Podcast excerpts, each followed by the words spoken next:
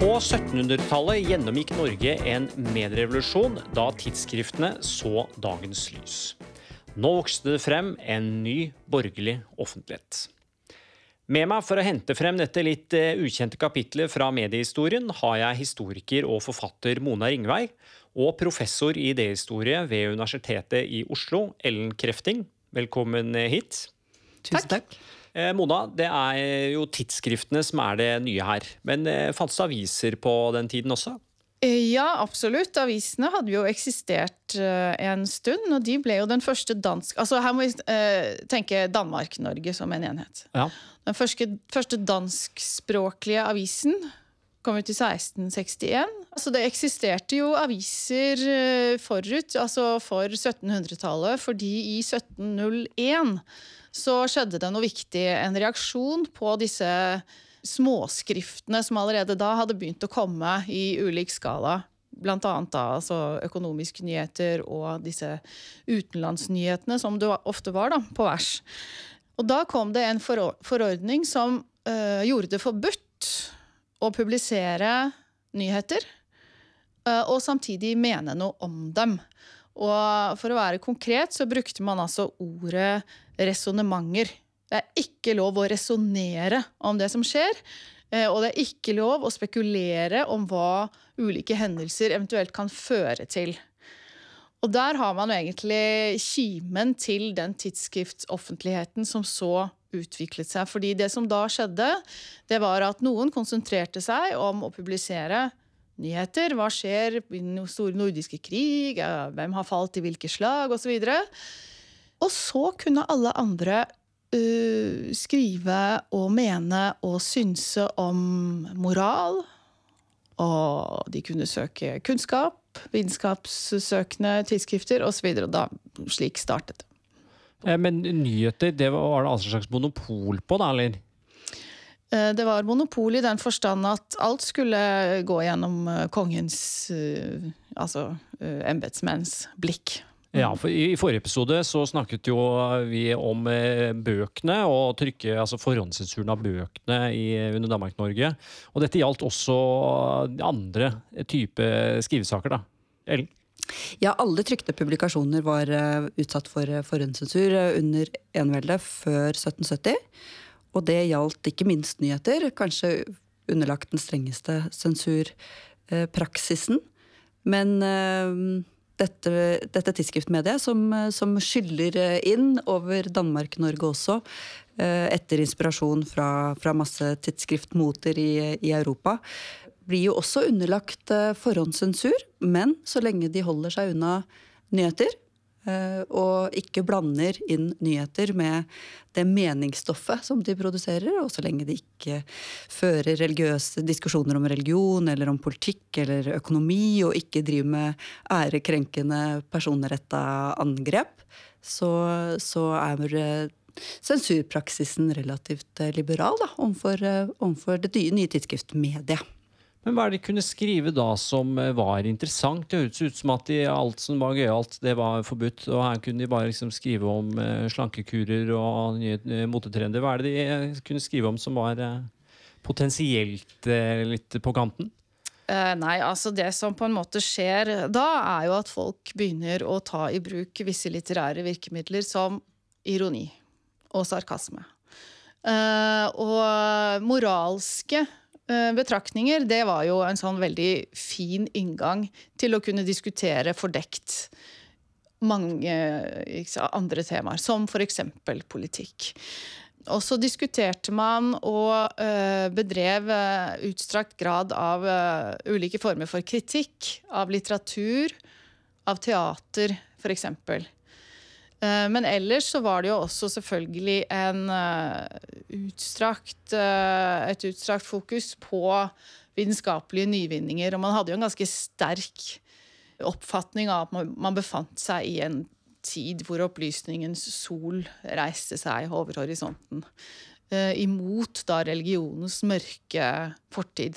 Dette klarte man liksom vanskelig nesten å diskutere, nei, å svare sånn klart på at de ikke diskuterte politikk og, og maktforhold. Fordi eh, den offentligheten som vokste frem, var jo også så sprekkferdig av kritisk undertekst, også politisk og kritikk av eneveldet og sånt noe. Så det er vanskelig egentlig å se at de, at de, de egentlig fulgte regelverket. Men det gjorde de, eh, fordi de gjorde bruk av eh, fordekt språk, men eh, lett gjennomskuelig.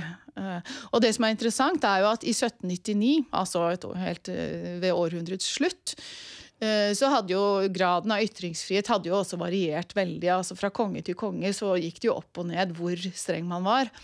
Eh, men i 1799, da, helt ved slutten av dette århundret, så strammet jo Fredrik 6., da, eller han var kronprins på det tidspunktet, eh, inn trykkfrihetsbestemmelsene. Da ved å forby ironi. Og etter 1799, ja, da er det strengt. Da er det kjedelig å lese tidsskriftene i Danmark-Norge. Jeg har lyst til å legge til at eh, jeg tror ikke nødvendigvis det var sånn at, at all debatt og kritikk og politisk relevant diskusjon uh, var retta sånn direkte mot eneveldet som styreform. Jeg tror det er viktig å, å tenke på at uh, dette var en styreform som var, uh, var, mer eller mindre gitt, og som, som folk flest ikke så noe sånn alternativ til. Men det betyr ikke at de ikke var, kunne være veldig kritiske til mange, mange aspekter ved ved makten eh, og, og kongens styr og, og, avgjørelser og, og um, ulike forhold knytta til, eh, til, det politiske feltet. Da. Men jeg tror kanskje enda viktigere er jo også det at eh, folk flest begynner å diskutere, også på trykk, saker som de har felles interesse av. Tidsskriftmediet, som Mona også nevnte, jo, har jo på mange måter opprinnelse i en sånn lærd verden. Ikke sant? Det er lærde tidsskrifter er de første tidsskriftene som dukker opp i Europa på, på 1660-tallet. Også de første tidsskriftene i Danmark-Norge er jo er lærde og formidler lærde saker for uh, lærde folk, da. Etter hvert på dansk. Først på latin, men etter hvert på dansk. Men det at denne, dette tidsskriftmediet også lar seg bruke av helt andre typer av mennesker, uh, helt uleide folk uh, ofte, til å diskutere felles interesser, eh, enten det måtte handle om helt trivielle ting som forhold mellom kjønn og ekteskap og barneoppdragelse og, og, og om allmenn moral og, og, hva det måtte være, eller det handler om mer sånn sosiale spørsmål eh, knytta til, til, ulike samfunnsgrupper og sånn. Altså det er, det er, revolusjonerende nok i seg selv, tenker jeg. og, og så kan man si at det på et, på et vis bereder grunnen også til en mer direkte politisk konfrontasjon med med styreform, ikke sant? Eh, altså, du kan si man, man eh, etablerer først en slags proto-offentlighet, om du vil, der man drøfter litt mindre skumle saker. Jeg vil ikke engang kalle det proto-offentlighet, fordi at det er en offentlighet som inneholder like mange eh, mangfoldige elementer som i og for seg vår mangfoldige offentlighet i dag gjør. ikke sant?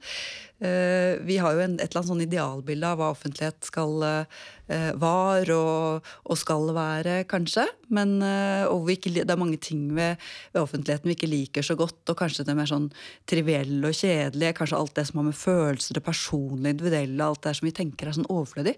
Men det er helt sånn konstituerende for offentlighet i det hele tatt. I hvert fall hvis du ser på, på 1700-tallet. ikke sant? Altså all den der, alt det der hverdagslige, alt det, all den leken òg i og for seg. ikke sant? Eh, all, eh, all den der polemiske leken de har rundt, eh, rundt ganske trivielle ting. Det er et, en, viktig, en, viktig, del av offentligheten som, som jeg tenker det, vi, ja, vi må ikke glemme den når vi bare er på jakt etter det som handler om direkte politisk kritikk. Det var jo også sånn, altså det er jo en dobbelthet i, den 17, altså i kongemaktens holdning til den offentligheten. Fordi at også kongemakten selv er interessert. Uh, og de kongene er på en måte litt avhengig av at folk uh, snakker seg imellom også. Uh, slik at kongen og hans menn kan få en oversikt over hva som faktisk rører seg. Ikke bare av synspunkter i befolkningen, det er én ting, men kunnskaper. Eh, og på et eller annet tidspunkt, altså i 1755, så ble det jo også da utstedt en invitasjon til borgere i både Danmark og Norge, eh, hvor man innstendig, hvem som helst, om han kunne skrive eller ei, spilte ikke noen rolle, bare, da skulle få hjelp til å skrive.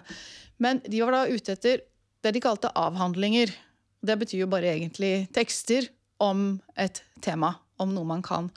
Og da var de ute etter å vite alt om mineraler og naturlig ikke sant, eh, betingelser rundt omkring i landet. Og spesielt for å få oversikt over det der eh, rare landet i nord, med, som jo er så helt annerledes enn Danmark. Så var dette et ønske fra kongemakten. Og resultatet av den invitasjonen eh, det ble jo at det kom inn en del tekster, og man etablerte magasinet, altså økonomisk og hva heter det, fysisk eh, Danmark og Norges eh, økonomiske magasin. Danmark og Norges økonomiske magasin. Så det var også da en del av denne tidsskriftoffentligheten. Jeg blir litt forvirra, for det, det er, på en side så har man da litt sånn hard hånd og forhåndssensur og sånn, men så vil man også høre fra fra de, de, som bor i landet? Jeg tror det er viktig å eh, legge seg på sinnet nettopp den 1701-forordningen. Altså det handler om å ikke skape rykteflom og usikkerhet rundt kongens politikk. Eh, og det man må huske er at Dette er ikke nasjonalstater, det er fyrstestater. Slik at all politikk som har med altså, inter, altså alliansepolitikk, krig og fred å gjøre, som jo da er viktig, eh, det legges ikke ut for offentligheten. Det foregår og også økonomiske saker foregår bak lukkede dører.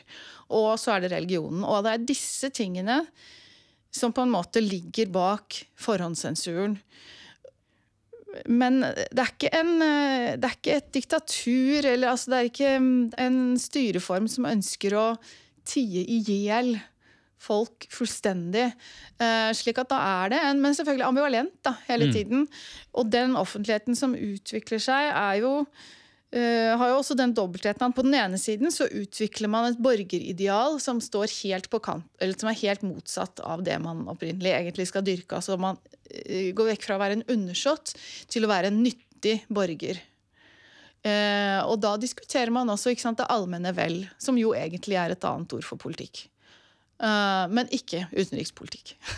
ja, borgerskap er et nøkkelord her. Eh, det vokser jo i denne perioden frem en, en ny type offentlighet, som gjerne får navnet den borgerlige offentlighet. Hva legger vi i det begrepet, Ellen? Ja, altså Det er jo en, en tysk sosialfilosof som heter Jürgen Habermas, som, som uh, står for den autoritative definisjonen av dette her. Uh, og det handler uh, Det er ikke så veldig komplisert. Det handler om det som skjer når private borgere kommer sammen for å føre seg imellom rasjonell debatt og kritikk. om ting som interesserer dem, og dette foregår da utenfor og uavhengig av statsmakten. Det er definisjonen på en, på en borgerlig offentlighet. Hamas han, han, ser jo framveksten av denne borgerlige offentligheten eh, på 1700-tallet og knytter det veldig sterkt til, til framveksten av borgerskapet. Og det er litt problematisk når vi snakker om Danmark-Norge. Ja, Det går ikke i hop. Det går ikke helt i hop, fordi vi, det, er, det, det, er, så lite eh, borgerskap eh, egentlig å snakke om. Eh, i, ja, hva, da må vi nesten definere det. da. Hva, hva ville mhm. vært borgerskapet? Hvorfor er det vi ikke har det i, eh, i Danmark-Norge?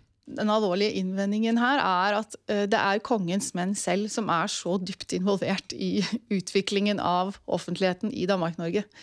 Ja. At man kan ikke postulere den som et ekstra statlig fenomen på samme måte.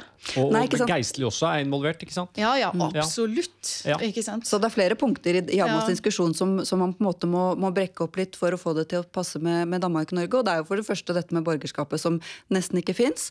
Men til gjengjeld eh, hvor vi har eh, andre samfunnsgrupper som er, eh, er dypt involvert. Ikke minst da ja, embetsmenn, som du sier, representanter for statsmakten selv, og geistligheten. Eh, biskoper som redigerer tidsskrifter og sånn. Men så er det jo også det at det er en, en, en broket, mye mer sosialt broket uh, uh, forsamling med mennesker som deltar i denne offentligheten, også nedover, kan man si. I Danmark-Norge så er tidsskriftoffentligheten den er full av av håndverkere og arbeidsledige prester og dårlig betalte huslærere. Altså folk som, du, som ikke tilhører egentlig noen av disse gruppene her, og, men som likevel um, deltar i en sånn og driver fram en, en resonnerende diskuterende, ofte mye mer konfliktfylt også offentlighet enn det Hamas eh, snakker om, da, men, men som driver fram den derre diskusjonen mellom privatborgere, for det finner du. Det er ingen tvil om at det, det poenget der, det finner du i Danmark-Norge. Men det er altså en mye mer sånn sosialt heterogen gruppe mm. som deltar i det, både som skribenter og som lesere. Så det er ikke nødvendigvis et sånn eh, litt øvre middelklassefenomen mellom næringsdrivende borgere i byene? Det er ikke bare de som deltar i Nei, det er helt korrekt. Men i, i dag er det mange som offer seg over kvaliteten på det som skrives i eh, kommentarfeltene, blant annet. Eh, ser vi noe tilsvarende klager over hva som kommer på trykk i tidsskriftene? Absolutt. Det er, går jo som en rød tråd gjennom hele Og nevne et veldig tidlig eksempel da, som folk kanskje har et forhold til, begrepet den politiske kannestøper så er jo det et skuespill som Holberg skrev allerede i 1722. Altså det er et av hans tidlige suksesser. Uh, og det handler jo nettopp om håndverkere som sitter og politiserer seg imellom og ikke aner hva de snakker om. Og uh, Holberg er morsom, så de blir uh, grundig latterliggjort for sin interesse. Og de leser aviser, og de leser kartene opp ned, og de aner ikke hva de driver med. De er kjempe in, liksom interessert i det de selv sier. Mm. Og, Holberg er jo en som på mange måter forfølger eh, tidsskriftmediets inntreden i, i Danmark-Norge. Han er jo på 1740-tallet, da, hvor, eh, hvor denne Spectator-tidsskriftmoten eh, slår ned i København, så er jo Holberg en aldrende eh, forfatter han har hatt stor suksess, han er historieprofessor og, og, er jo også i ferd med å bli adlet. Og så kommer disse Spectator-tidsskriftene, det, det, som også kalles i den perioden for moralske ukeblader. Og han er altså he, helt i harnisk, fordi at her kommer det plutselig eh, masse helt alminnelige folk, sjarlataner som han kaller dem, som eh, oppfører seg som om de skulle vært forfattere. Og dette reagerer altså Holberg så sterkt på, og skriver i mange sammenhenger om dette nye tidsskriftfenomenet som en, selvsagt en skrivesyke. Et skrivesyke, ja. Ja, det er et topos. Og vi finner det allerede i antikken. Det er ikke noe nytt på 1700-tallet. Men det blir plukka opp igjen eh, akkurat på 1740-tallet. Tarmløp kaller Holberg det. Han kaller det skrivesyke. Og, ta, og han, han, sier at ja, dette landet som tidligere til og med har vært, eh, hatt problemer med, med forstoppelse, nå renner det bare ut som et tarmløp. og og disse tidsskriftutgiverne de, de er altså det, det, verste eksempelet han kan vise til av en type prosjektmakere som han hadde skrevet om allerede i dette skuespillet fra 1720 eller 22, politiske kannesøper. Så han har ingenting til overs for dette nye mediet. Så det er jo på en måte, det er en type mediekritikk også som vi, som vi kjenner igjen. ikke sant? Det der, hvem, er, hvem er disse folka som skal, skal ytre seg og, og, og sette alt sitt uh, ræl, liksom? Uh, ut i offentligheten. Men eh, har vi noen av disse som da eh, var aktive skribenter for tidsskriftene, som bejubler dette? Som skriver om hvor flott det var at de nå omsider fikk, fikk altså, skrive? Disse tidsskribentene selv, de, jo, de, har jo på en måte de, de, kaster seg over dette nye mediet og ser det som en mulighet. Både til å få sine egne liksom, meninger og, og, perspektiver og kanskje små dikt og skriverier på trykk. Så, så, her er det mange sånne nye eh, elementer knytta til det å være, det å oppfatte seg som en del av en, en lesende og ikke minst også en skrivende eh, kultur eller et fellesskap. Det er jo sånn begrepet vi har om, om forestilte fellesskap. ikke sant? Og, og, disse tidsskriftene de er, det er type medium som, er, som, egner seg så godt til å etablere sånne fellesskap, nettopp fordi at de er periodiske utgivelser. De, er, de kommer under samme tittel eh, med jevn rytme. Så, så det, de kan etablere en lesekrets. Og så kan man føre debatt over tid med, eh, med, leserne. Og det kan også utvikle seg debatt mellom leserne selv i tidsskriftet. Eh, så dette er en ny, ny type fellesskapsform. Dette er borgerlig offentlighet, altså. Noe av den fellesskapsfølelsen eh, som de jo hadde, det var jo også at de tilhørte en opplysningstid. Altså Den selvbevisstheten er jo veldig sterk. Uh, og slik at de bejubler jo at de er med på dette uh, fenomenet, og at det er voksne, og at det sprudler, og at det er masse energi og aggresjon og mye spennende disputter uh, i det hele. men også denne opplysningstankegangen, altså den bevisstheten om at de er med på å lete etter sannhet gjennom disse diskusjonene. Det er det de gjør. De skal finne nye sannheter for å komme fram til en bedre fremtid. Og der har du det politiske underliggende. Men en av de opplysningselementene som også ligger i selve tidsskriftsmediet, som du var sånn kort inne på, eh, det er jo hvordan tidsskriftene reproduserte den kunnskapen som ble eh, produsert i, i, Europa og angår filosofiske Eh, tanker, f.eks., eller litterære. Altså at man trykket utdrag fra Rousseau, fra Montesquieu og Kant. Altså Det var ikke sikkert det var så mange som leste Kants verker i sin helhet eh, den gangen heller. Men man diskuterte utdrag, og man diskuterte disse store filosofene eh, og deres betydning for opplysning. Slik at Sånn sett så var det veldig mye tanker som spredte seg hit og dit. Og så er det jo interessant at i 1814, da dette hadde pågått en stund, så ser man at um, Nikolai Wergeland eksempel, han eh, blir så forundret over at disse grunnlovsforslag som ble sendt inn fra uh, bondesamfunn i Norge.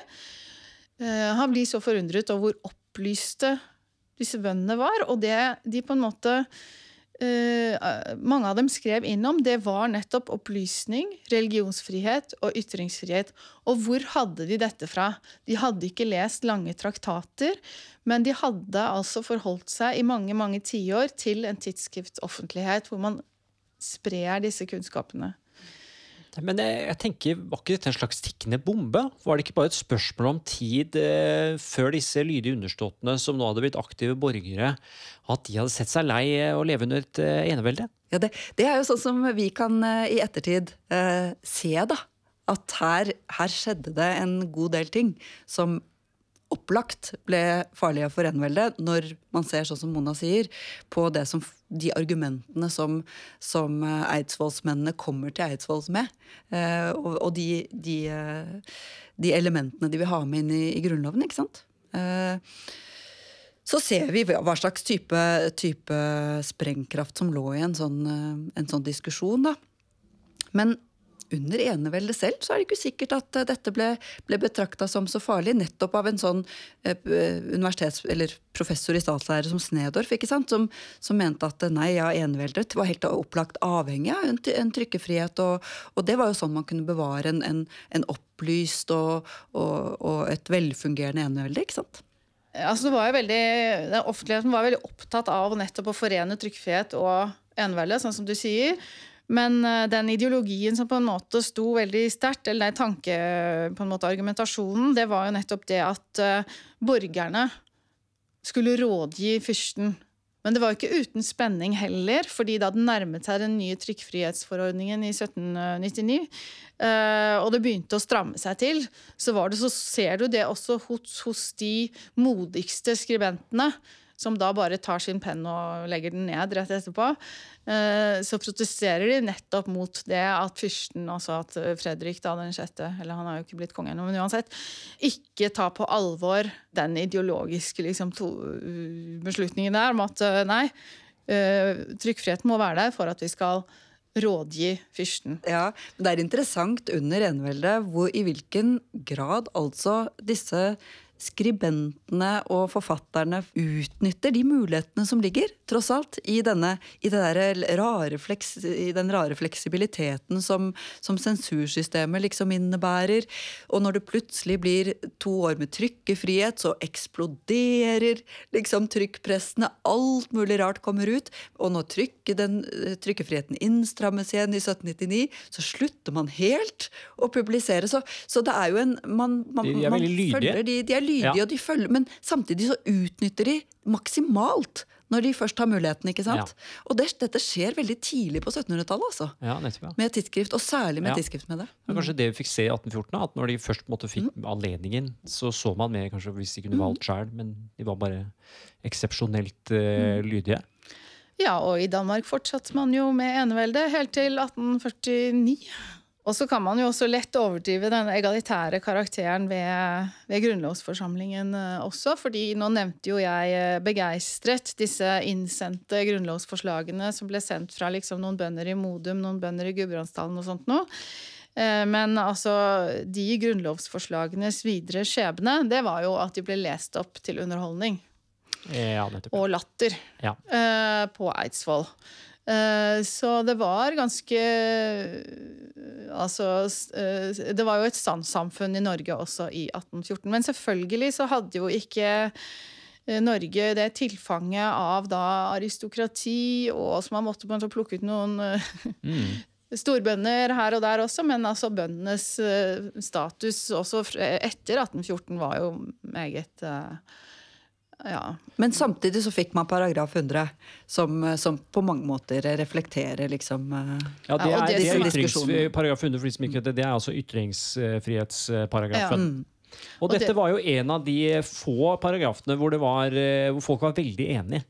Jeg vil ikke si at det på en måte viser hvordan denne nye offentligheten hadde slått rot av det da. Man var enig om at den, den skulle man ha. Ja, Helt, helt klart. Absolutt. Dette hadde utvikla seg siden tidlig, tidlig 1700-tall, og vi, ja, det følger jo på mange måter tidsskriftmediets eh, eh, framvekst og, og spredning i Danmark-Norge òg. Um, så dette var en selvsagt ting eh, for, eh, for alle på, på, på Eidsvoll i, i 1814. Men um, det handlet ikke nødvendigvis om, om at, eh, man, eh, at, at ytringsfrihet, eller trykkefrihet som man kalte det da, var, var identisk med demokrati. Altså Det hadde jo hele eneveldet offentligheten vist. At ytringsfrihet var en kamp man kunne føre innenfor eneveldet. Og ytringsfrihet førte ikke nødvendigvis til en, en demokratisk, eh, et demokratisk storting. Eller, eh, Overhodet ikke. Og det var jo ingen eh, tilhengere av demokrati på Eidsvoll. Det var jo eh, folkesuverenitetsprinsippet, som er noe litt annet. Men eh, senere så har jo de tungene, tingene flytt sammen, da. Altså de to begrepene. Men i 1814 så blandet man ikke de begrepene. Mm. og folkesuverenitetsprinsippet det gikk jo bare ut på at eh, makten skulle utgå fra folket. Og ikke at folk skulle ha makten. Ja, nettopp, ja. Ikke sant? ja. For de eneveldet hadde den motsatte ideologi, at makten skulle utgå fra kongen. Ja, Det er fint oppsummert. ja. Men, sam, men samtidig så har man jo hatt en, en revisjon av paragraf 100 av, eh, av trykkefrihetsparagrafen, hvor man har ført inn demokratiordet. Ja, det i kom i selve paragrafen. 2004. Nemlig. Sånn at, eh, og det forteller jo en viktig historie om, om hvordan en borgerlig offentlighet da har blitt kobla til demokratiet som styreform, men som ikke var der nødvendigvis opprinnelig. eh, Men som er en helt selvsagt ting for oss i dag. Da.